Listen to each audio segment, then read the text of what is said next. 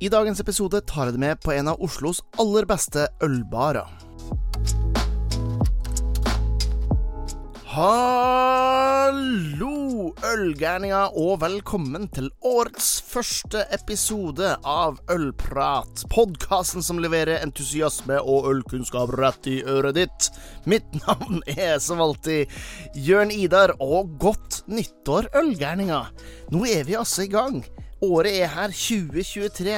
Hvordan år det her blir, det har jeg ingen peiling på, annet enn at jeg håper det kommer til å være fylt med gode folk og mat og drikke, og i det hele tatt at det blir et fantastisk år for meg, det og alle andre som er rundt oss. Vi er jo faktisk bare et par uker unna kulinarisk ølsirkus. Det her eh, festaften med øl og mat i fokus. Eh, jeg må innrømme at pulsen stiger eh, ganske radig nå. og hvilepulsen min er godt over gjennomsnittet når vi gjør oss klar til over 100 gjester, fem bryggerier, fem deilige retter og ja, rett og slett en hel kveld dedikert til fantastisk mat og øl i kombinasjon. Håper det her kan være starten på noe fantastisk morsomt. Og om du ikke har kjøpt billett ennå, så legger eh, den linken i shownotesen. Men 20. januar er den aller siste dagen vi har billettsalget. Da stenger vi hele gærne. Så hvis du har lyst til å få med det her, så bør du egentlig, egentlig forte litt, for at eh, tida renner ut. Utover da så uh, skjer det jo alltid noe nytt. Det er jo eh, alltid noe spennende som kan gjøres innenfor ølets verden, og jeg sier ja til det meste. Eh, så jeg har jo annonsert at jeg kommer til å starte en, uh, en eget importfirma i 2023. Det blir spennende. det er jo altså endeløst frustrerende å jobbe med det ene og det andre, men en spennende utvikling som jeg, det kan godt hende at jeg tar og, og lager en liten episode på etter hvert. Og så må dere jo huske da at det er mulig å komme med forslag til gjester til podkasten. Eh, du kan nå meg enten på DM på sosiale medier, eller du kan sende en eh, e-post til hoitskum at eh, gmail.com. Uh, utover da så ja, tenker jeg at vi må bare sette i gang det her podkaståret med et fantastisk prat med Noel Heath fra Henry and Sallys. Og ja, før han får lov til å si noe som helst, så tenker jeg at eh, du får ta og fylle kaffekoppen, eventuelt glasset, med noe høyt skummende, og lene deg tilbake for denne episoden av Ølprat.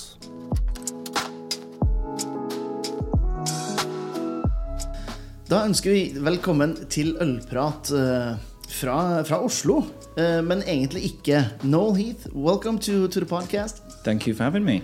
Um, so, Oslo is a city with uh, a couple of hundred thousand uh, people, mm with uh, 1,600 uh, skjenkebevillinger. Is that right? Licenses to sell 1600. alcohol.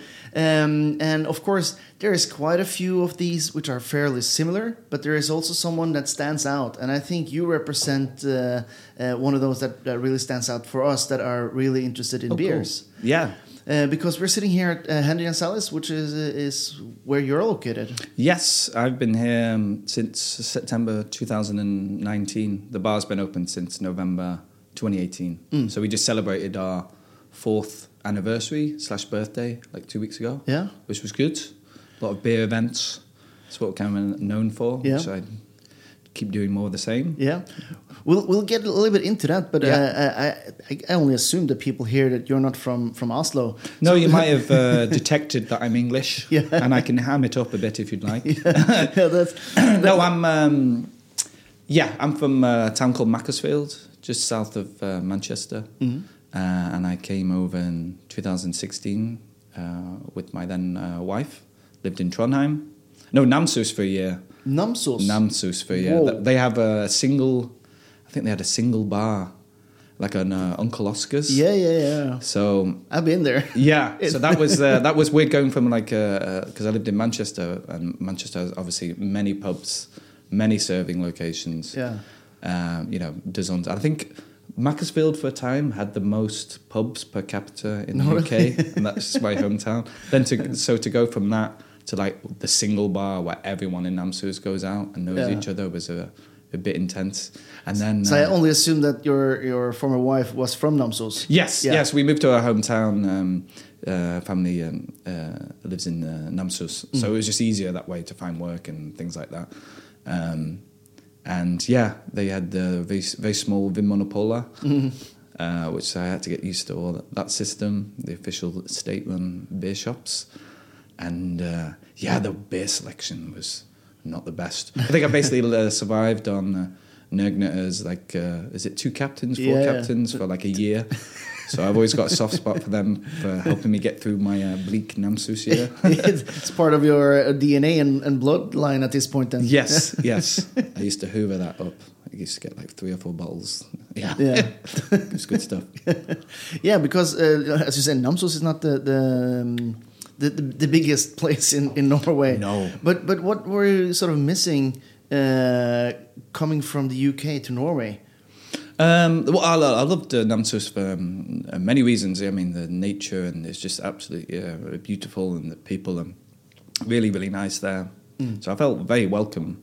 Um, but it was just that culture of, um, yeah, just that pub culture, which I was born and raised in. I didn't think it meant much to me until, um, I, you know, I missed it. Yeah. because uh, I lived in Manchester, where there was always a group of friends where you didn't really need to text or communicate after a sh- your shift, after your work on Friday. Yeah. We'd meet at the same pub, and then you you'd do a little pub crawl. Yeah. So there wasn't that. It was like you go out on the Friday pretty late, and then because the beer's expensive, you may only stay for like one or two. Yeah. Whereas in the UK, obviously, you have like drinking sessions, but then you know there's a lot more sessionable beer to be had. That is that is very fair, Mm. and I think that's that's kind of typical, uh, isn't it? That uh, you don't know what you have until you go away from it, and Yes. then you start missing it. You Yeah. like, why didn't I use that when I lived yeah, there? yeah. Because at the time I was like, I'm sick. I'm doing the same thing. I was in like a, a malaise. Like I lived for like seven, eight years in Manchester, and I was just same old routine, nine to five job. Hmm.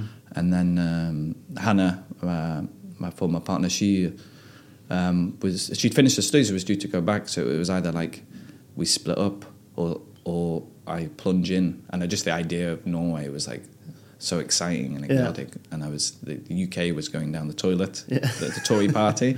Yeah. So uh, it was a good. Uh, It's I mean, it's it was it was a great now, though. Yes, well, we're the laughing stock of uh, Europe and the world. But apart from that, yeah, things are going really well in uh, the UK. they're, they're just talking about uh, there's a, uh, cold uh, storm that's come from Norway, which Yeah. they've dubbed the troll from Trondheim. Yeah. so everyone's panicking about that. All right. So you- so you moved to to Namsos, and you don't stay there uh, for a very long time then. But you you're moving to to Oslo. Were you anywhere before you got here, or was it straight from? Yeah, no, from um, Namsos uh, uh, Namsos, it was, uh, you know, a struggle because I learned a bit of Norwegian before I moved over. Um, but I learned like Bokmål and then moving to Trøndelag, it was like, well, I wouldn't say all of it was wasted, but they, they speak in a, a different way. So I was like, ah, this is not how I was taught. um, but yeah, it was. I, I think it was. Yeah, it was a, a tough year because you know it's not easy to find work um, when you're not a Norwegian speaker in, a, in a small town like Namsos. I remember Hannah's uh, family really helping me. They got me some. For UDI, I needed a certain amount of hours to justify my stay. I had to be self-sufficient. Um, so I got some work at Tess. I was like uh, Opvask at Yeah. the Scandic uh, Rock City Hotel, and I was also um, a cleaner uh, at the Namsos Sikker- Sikkerhus, Yeah. you know, on the on one of the the wards for elderly people. So yeah, not my. I was. I came from like working in an office trade union to then go back to like my first ever job was being an Opvask. Yeah. So in your thirties, thinking, "Oh my god, this is my life. I've gone back, Back full circle." so it was like it was, you know. Uh, so I think uh, I said to Hannah, "I need to, I, for what I want to do, um, I need to find something to do that's a bit more lively." So we moved to Trondheim, yeah. and the types of job that I could get were like bartending. I'd never been a bartender before. No. I knew a lot of bartenders, but I'd never been one before, and they didn't mind that I was um, uh, just English speaking. No. So I applied for when Den Arbo was reopening Yeah. because they changed owners and then they were shut for like a year or two. Yeah, that's true. Part They of the- refurnished yeah. the, the whole uh, Yeah. ability. Christian Kolstad was the new daglig leader, and um, I got a chance to like work on the floor. Mm. So that's how I started my beer journey Yeah. in that respect.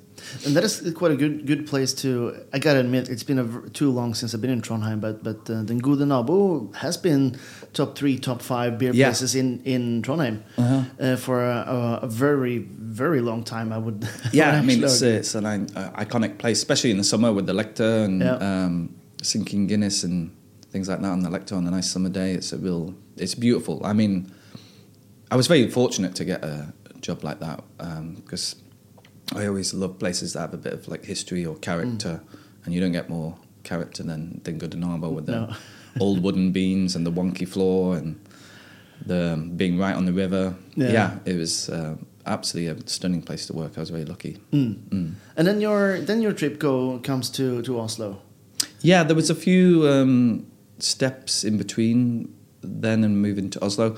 Um, I started to really get into bartending. I was, you know, coming in each day, see, see seeing which new beers were on, tasting them, because I, I, I had a, some beer knowledge from the UK. Um, I mainly it was just a lager drinker though Yeah. in Manchester until my friend Stuart introduced me to um, sour beer. I didn't because Yeah. I like sour things. I didn't know you could get sour beer. I was like, what? so he got me like a um, Cuvée de Jacobins Rouge, you know, the, yeah, the yeah. Flanders like red ale, and I was just like blown away. Like, what? I can get this. So, so I knew a little bit about sour beers, and I got into. In fact, I was drinking Norwegian beer in Manchester because I was like, oh wow, look at this. Yeah. It's got to be good. It's like nine quid a bottle. Yeah. And it was like Nøgne Ø and Lervig. Um, so yeah, basically I started to learn more about beer when I was at Den Gode Nabo and starting to really get into knowing about the styles and just um, it's, it's a good job to meet people and interact and um, show off your personality. Um, I just wanted more. Um, I wanted to learn more, Yeah. basically, and um, I wasn't getting that at Den Gode Nabo. So um, uh, my former boss and friend Elisa, she was the bar manager at Antikvariatet, Mm. just uh, down Bakklandet. Another Yeah. beautiful, stunning little uh, place. Book bar in the back is gorgeous.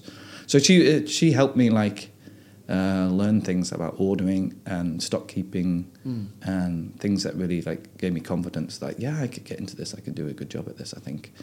Uh, and I remember she let me order my first uh, keg. I was so Yeah. amazed. I got Marshall Zuk uh, Marshal Zhukov from Cigar City, and I was like, yes, there we go. fantastic. um, so yeah, it was like more more of the same. So I wanted to get a job a, a brewery or uh, like a, a management position, just Mm. to earn some more uh, money. Because you know I was still only a bartender. I was probably on like Yeah. 160, 170 an hour. Um, so I was playing all over. Um, I remember getting some good feedback from like Amundsen. Yeah. Um, but yeah, that no one had the opportunities. But then I think I can't remember who uh, sent me a link to it, but someone said that the there was a job opening up as Daglig led a, a bar manager at um, Henry and Sally's Yeah. in Oslo. so um, I applied. I'd met. I'd been down to Oslo. I had to do something for my uh, marriage certificate, and I went to uh, uh, and I met Lasse Lu- uh, Lukacs Yeah. and uh, Geir Knutsen, who runs Tap and Cork in Molde. And um, Lasse, you know, uh, legend in Oslo for his blog and um, just general good humour. Um, For general classification. Yeah, exactly. For everything he's done, you know, Hamburg's Festivalen and things Yeah. like that. Former guest on a podcast Um, as well. Former guest. Yeah. Well, of course, if you're going to do a podcast about beer in Oslo, you'd be the first on the list, I imagine. Um, and I got in touch with him because I said, oh, this opportunity's come up. Um, have you been to Henry and Sally's? Uh, what do you think of it? He actually had made a blog post about the opening. Yeah. Um, so I just asked his opinion on, on it, and he saw some uh, failings and things that were going all right, but some of the failings, and he really helped me like shape my application to Mikkeller. Ah. Uh, so he, I, I'm always in his debt for helping me with that, and I think they liked. Basically, I I've never got a job going in for an interview. I've always had it like you know. So I'm I was terrible at job interviews. I get so Yeah. nervous and things like that. Um, so I applied, and then I got a call. They said, "Oh, you, can we talk to you?" And I remember speaking to a guy called Australian guy who works at HQ at the time, Don, and he liked some of the ideas I put forward. Mm. Um, and then I got to speak to the COO at the time, and I was really nervous, you know, uh, called the Major, Yeah. Danish mili- ex-Danish military, and I was really nervous. And uh, but he just answered. He was late to talk to me for my second interview, and he was, "Oh, I'm so uh, bloody hungover." And I was like, that just put me at ease. I was like, okay, "Oh, right, yeah. okay, I can just right. chat to this guy." A human being, Yes, finally. yeah. So it was uh, it was very strange. Um, continued to talk to him, and then they uh, they made an offer, and it was like, "Can you start in like two weeks?" And so I had to up. You know, my whole life was in In, in Trondheim. yeah. So that was strange. I had to move down. It was a bit scary go, going down on my own. Didn't have a place to stay. I think I uh, stayed at Anchor Hostel Yeah, yeah. first two nights. Then I got like an Airbnb until I managed to find a place. Uh, and Hannah eventually uh, joined me uh, a few months after. But yeah, that was like a big transition. Yeah. But what a great opportunity. I mean, I was nervous as hell, but yeah. And and also I think uh, coming in as as, as a foreigner, not speaking Norwegian, I think you couldn't have Yeah. found two businesses uh, so inclusive as you can actually find in the beer industry and in in the Yeah. hospitality business. Um, Yeah, I think I think it was I was uh, fortunate in that respect because I know um, Mikkeller is a Danish company and they've got locations all around the world, but I think the um, they communicate at HQ in English and that's the prevailing language. And my interview was obviously uh, in English, so I think it they they didn't mind that as long as I had some competency in Yeah. Norwegian. I think they were more interested. Can I actually run the place than Yeah. my uh, language capabilities? Thankfully, but a lot of places weren't like that. You need to have strong Mm. Norwegian communication skills. Yeah, I, I can uh, I can I can assume that is um, a little bit harder the smaller the place you are. Yeah. So the bigger the the bigger the city, the more acceptance that you're talking. Yes, I mean, yeah, I, I definitely have found that. uh, Um, obviously, there's a lot more English speakers in Oslo than there was in Yeah. Trondheim.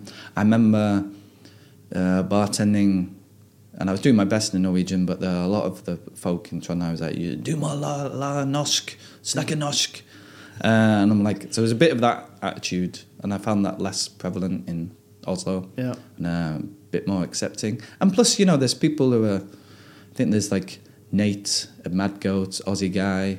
There's um, you know, there's English uh, speaking people who are running bars here. I know Kivos at Bugata, and he communicates mostly in English. Greek guy, legend. Um, so that I didn't feel so like, oh my god, can I do this? Because there was other examples out there of people running a place in uh, mainly speaking English. But Yeah. it was a test to do all the um, etablere proven, you know, Yeah, the, Uh, All the licensing. yeah, because that has to, Oslo insists on doing that. You have to do that in Norwegian. Yeah. So that was a big. That was pretty scary. So my first few weeks were just studying for that exam, basically. Yeah. Um, obviously, I, I passed, scraped by. Yeah, But, yeah. but uh, a pass is a pass. a pass is a pass. there you go. So you're, you're getting into to Henry and Sally's, and um, let's dive a, little bit more into it. Uh, this is the because of the Norwegian uh, law, you're not allowed Yeah. to have a alcohol producer's name as the name of No. uh, a serving place. That's why you have uh, you had uh, Tørst, which Yeah. was öl. That's why you have BD 57, which is Brewdog, Yeah, huh? and that's why you have Henry and Sally's, which Mm-hmm. is uh, Mikkeller. Yeah. Uh, tell us a little bit about the the venue and, and the place here. Yeah, I mean that's that's a big thing. You know, Norway has its um, unique, if you're being polite, alcohol laws in that respect. So uh, we still have that to this day. Like, oh, you're a Mikkeller bar. How long have you been open? Well, I've been open four years. And people are like, is it Harry and Sally's? Yeah. Henry and Sally's?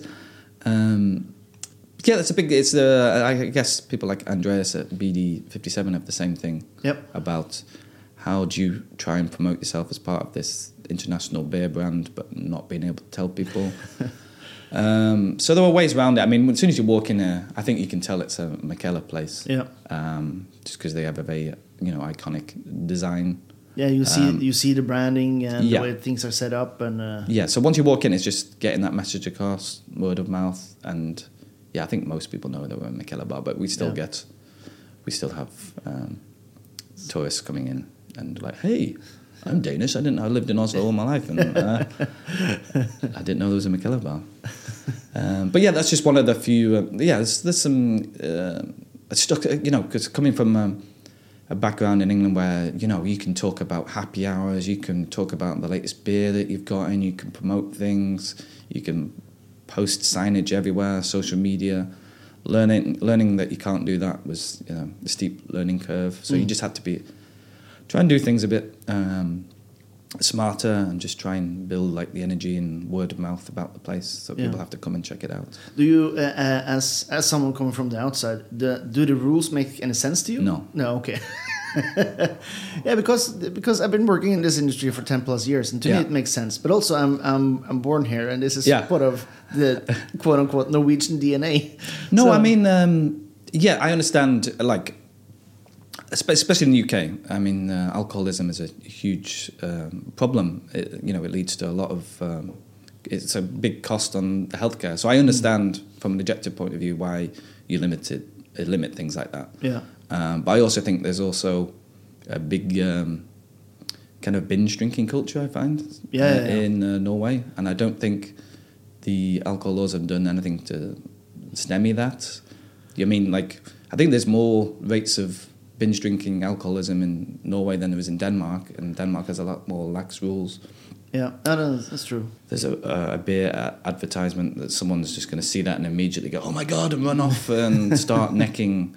Because it's like it's never the craft beer that you see people like abusing. It's always no. the cheap vodka, cheap pills, and usually pills pilsners from the macro producers because it's the cheapest. So I don't know. I feel like it'd make my job easier if there was a bit more lax rules mm. in terms of advertising. But I also understand it, and it's not going to go away. No, anytime soon. No, that's fair. I remember a I remember a, uh, a discussion about the biggest uh, alcohol distributor in the in the U.S. who yeah. came here to have a meeting with Vinmonopolet. Yeah. and say, oh, there's no problem. We'll we'll pay whatever. Uh, 10,000, 100,000 uh, uh, bucks per uh, per store, and we will have this and this up. And then yeah. and then the, the purchaser said, uh, I think you need to read how we actually yeah. work. Yeah.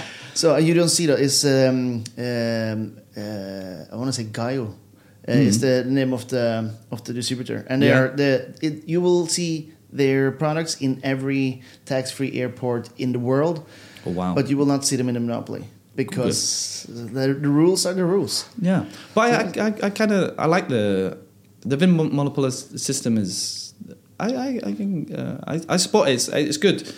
It's nice having a bit of because even though they're state-run beer shops, like there are individual qualities which I quite like about it. You know, mm. you can there's a certain a Vin Monopoly that might have a really good whiskey selection, yeah. or a cognac selection, or there's more beer focused uh, Vinmonopolet, mm. which is nice. You know, I kind of I like going down to um, Stolo or Aker and yeah. seeing the new releases and yeah, yeah. Denne episoden er sponsa av Ølprat sine patreons. For så lite som 35 eh, kroner i eh, måneden får de rabattkode til sånn som Kulinarisk, Ølsirkus og andre eventer gjør. Eh, de får de her episodene først, en eksklusiv episode hver eneste måned og mer til.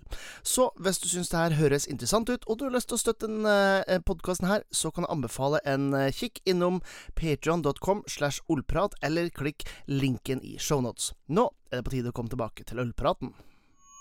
So one of the things which uh, I enjoy, uh, as with the Monopoly, as with Henry and Sally, is that you can come here for the for the knowledge, for the passion behind the, the mm. things. I always feel like um, there are plenty of good places to get a beer yeah. in uh, in Oslo, but there is not that many places where you get both the beer and the knowledge behind the, the sure. beer. So when you when you came here, when you took over as a uh, Dali leder, mm. what was some of the ideas that you implemented uh, pretty quickly?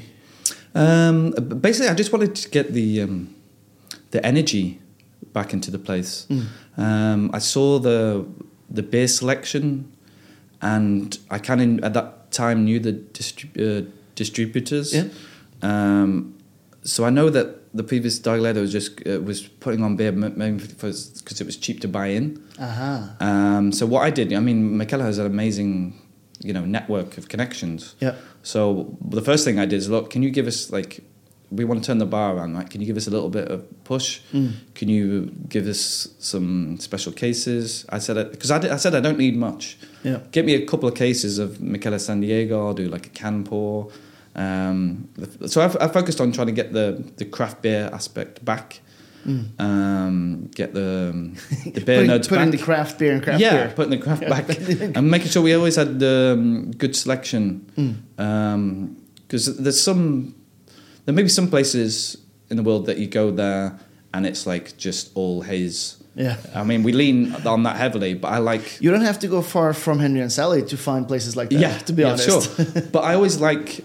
We may not have the. I mean, we always. I think we always always have good, uh, high quality beers on. But I like to have a diverse set of beers as well. Yeah. So I like to have sours, Belgian dark beers, West Coast, uh, pilsners, lagers. You know, I like to cater to everyone. And part of that was like, uh, okay, we've, we've got 20 lines, but why can't we get access to so many amazing Bauhaven beers, or Baghaven, they say here. Yeah. Mikkeller Baghaven, Bauhaven, wild ale, amazing wild ales. But they, you know, they they come in 75 centiliter bottles. They're expensive. Um, so as it makes sense, we'll do some bottle pours of it, so people can taste the new stuff without having to fork out for a whole bottle. Yeah. So that was part of the thing I did. Um, so we do a lot of the mead and um, uh, special pours. So and then it was just getting events, having regular events. War Pigs Wednesdays, get some fresh stuff in from War Pigs to have that as a regular thing. Get some tap takeovers back, and it you know because people saw there was a new manager here and they all want to showcase their beer Yeah. and I'm all for it. Like, um, yeah, if you want to release your beer here or do something, I like events. I, Yeah. you know, I like making the posters. I like um, talking to guests about what we've got coming up. Mm.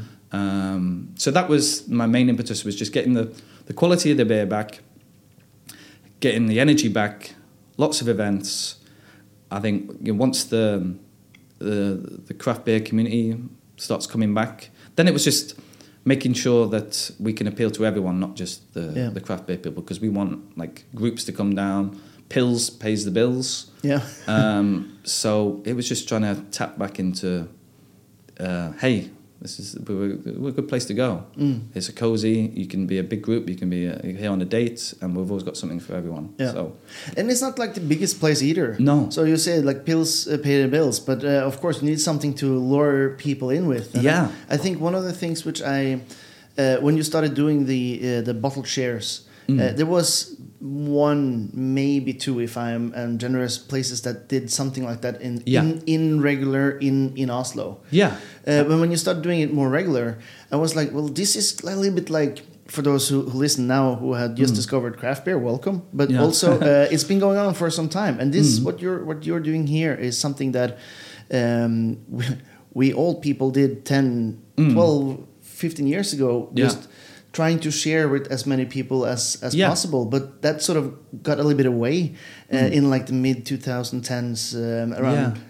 A, a little bit around the time we came to, to Yeah, Norway, yeah. so you you Not saw so I was uh, yes, so I was uh, I was super happy to see it, it come back, like the Mm. the sort of uh, not only building a community but actually trying to showcase beers to that Yeah. maybe were a little bit over the price range that let's be honest the the average beer drinker Yeah. want to afford, but trying to, to not dumb it down, but Yeah. give them a, a a selection that they Yeah. usually wouldn't be able to have before. I think that's a Yeah, and I think uh, uh, that's a good point. And also, I just like introducing the way I discovered beer was through a friend giving me a taste of what the, Mm. the sour beer they were drinking, and so I, I, I don't like the attitude when someone comes in and says, "Can you find vanlig öl?" And to Mm. me, there's, there's, there's, a, I, I know- I think I know what they mean. They mean a pills, right? yeah But I always say, no, look, like, uh, what's a normal beer? yeah there's a normal wheat beer, there's a normal like sour beer. What what you after? So I'm always encouraging people to step out the comfort zone. yeah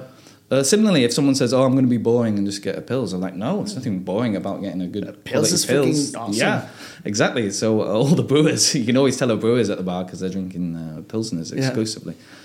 so that was just like when someone comes in, I like um, talking about the beer. I'm not the I'm not a beer sommelier, right? No. I am not the most uh, well versed. I think some of the staff here uh, Flid, Ulf, um, are a lot more knowledgeable about beer styles than I. And I don't claim to be like a beer expert. I just know what I like and what I dislike. Um, and what helped me as well is when I when I came here, I wanted to make sure that I um, went to the other bars and saw what they were doing, where we could like pitch ourselves.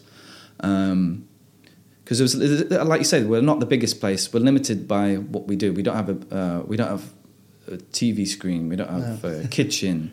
We don't have uh, you know arcade games. We don't uh, Shuffleboards. yeah, we don't have shuffleboard. We don't have all that. So basically, that forced me to right. Okay, these this is the context and the box that I'm able to operate in. So what can I do? Well, okay, these are the tools I have. We're mainly craft beer. Let's go all in on the craft beer. Let's Yeah. let's make it the. I want it to be, and I feel like we are. But I'm, you know, I don't want to brag or anything. But I think we're one of the best beer bars in Norway. I think at, at this stage, there's a lot out there. Don't get me wrong, um, but I think exclusively focused on craft beer because we're kind of forced to.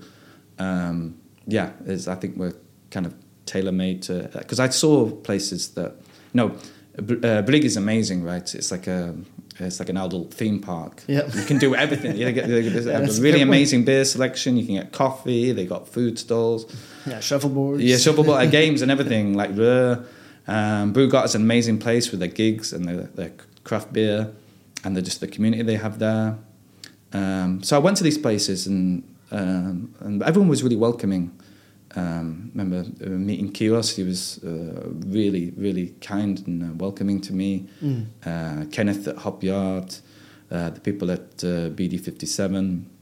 That was interesting t- to go to as well because they you know uh, Brewdog place a bit like Mikkeller, big craft beer uh, producer, and how they go about doing things. So I sat there and just spoke to the bar manager, and everyone was really like, "Welcome, Yeah. uh, it's good to have you here." And um, what's nice is there's a good community here, and people hang out at each other's bars. Um, I was warned. I can't remember. Oh, you're moving to Oslo. Everyone's got their knives out, and it's really competitive. yeah, it is competitive, but um, in a friendly way. Like everyone wants It, it sounds like that person you talk to is not living in Oslo. No, no, you no.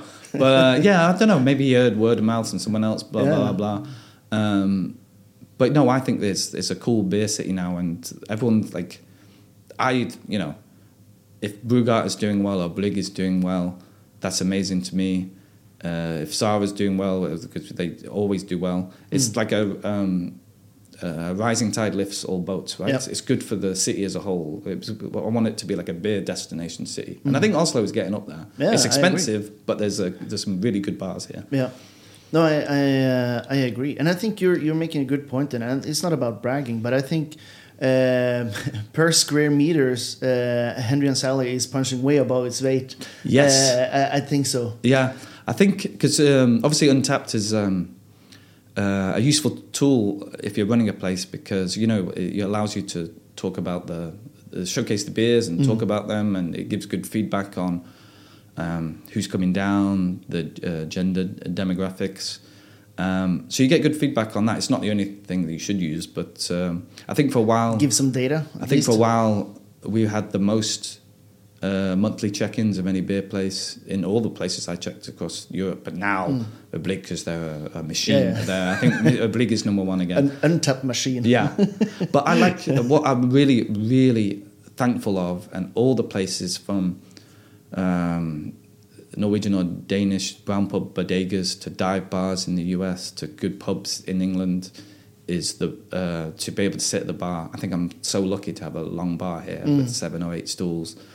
I love going to Barflag and sitting at the bar there, and those are the sorts of places I, I love to go to because I Yeah. like, you know, interacting with whoever's working. Um, it's just a really nice place to be when you sat at the bar after a long day. There's nothing better. Yeah, no, I, I agree, and it's a little bit like we, we talked about off uh, off air as well. Uh, the the whole idea behind the podcast is, of course, there is so many great breweries, uh, places, and everything. But the, what really is interesting for me when it comes to beer is the people Yeah. behind whatever profession or part in this huge Yeah. machinery called the beer business. Uh, I think that's super fascinating. Yes. Uh, and, uh, and I think uh, having having a, a smaller place like Henry and Sally Mm. it has its disadvantages, but also the advantages being more more personal. Yes. Uh, so I know that you've just started a, new little colla- uh, uh, collaboration with uh, with a, a local um, uh Yes. food supplier as well. Yeah. Uh, tell us a little bit about that. Yeah, well, that just came about because um, when I first came in, there was a, a, a pool place upstairs, Rendezvous. Um, they uh, uh, they shuttered or closed down during the, the tough times of COVID, and then um, uh, a Mexican high-end rest, Mexican restaurant opened up called La Mayor, run by really amazing people. The Mm. head chef Montserrat makes incredible food, um, and she. Um, I hoped that we'd be able to. Uh, um, do something together when they first opened, but I didn't want to push. You know, they're trying to Yeah. find their feet. I don't want to be like, "Hey, do you fancy Yeah. serving food for us as well?" So head chef Montserrat came to me like two weeks ago and just says, "Look, um, we're a little bit quiet uh, midweek. Um, do you fancy offering like a limited menu?" I'm like, "Hell yeah! the food's amazing. It makes sense. We share a building, we share a staircase. Mm. So yeah, we have." Um, tacos, quesadillas, nachos now that you can order uh, directly at the bar and uh, it's brought to you um, so you don't have to move. So uh, we've struggled with that because um, people ask you, oh, do you serve food? And we have to go, no, we don't have a kitchen, but you can Mm. order through in or collect some uh, food from next door and eat it in. That's Yeah. not a problem. But I get that people want to like order And just sit there. Yeah, sit there. Comfortable. Um, so now I can finally say, yes, Finally. we have food. We can serve it. Yeah. and few things go better together than a good taco and a good beer. So, Yes. and also I, I, I gotta I, I gotta think that the at least in Norway, maybe in Europe, this is the only way, only place you can get like proper Mexican tacos served with a barrel aged barley wine on Uh, sixty percent. Don't you think? Yeah, I'm trying to think actually. You may be right. Yeah. you get a Baladin Xyauyù and uh, a high end taco. Yeah, A little not a bad- micro oxidized barley wine there. yeah, yeah. I think we're fortunate in that uh, in that respect. Yeah, Yeah. um, we've, we've talked uh, talked a lot. We're going to, to round things uh, up uh, uh, here in a moment, but a little bit about uh, 2023. What can people sort of expect from Henry and Sally's? Is it just more of the good stuff, or It's going to be uh, more of the same. Um, um, Mikkeller are changing their warehouse systems, and I think they're going. They're going to lean back a bit towards because they were very focused recently on their core range. Mm. Um, but I think they're going to go back because Mikkeller used to be like they make like two or three beers a week Yeah. back in the day, and they had cr- incredible variety. So I, I, think remember, I remember they had the the, the single hop uh, series, Yeah, which ended up hop. being like 18 different Yeah, beers. I think they were. You know, like people forget that um, uh, Mikkeller spearheaded a lot of uh, important steps in Yeah, the industry, and the, the single hop series is, was one of them. So I think they're they're going back to making some classic uh, rebrews. I've Mm. seen the agenda, so I, maybe I'm not allowed to say, but Yeah. I think there's going to be a lot more exciting beer coming from Mikkeller, which will obviously be showcased at the bar. I want to do more mini, uh, mini collabs. We did a collab with Mikkeller London where we made a hazy pale ale with them. I'd like to do more of that. I'd like to.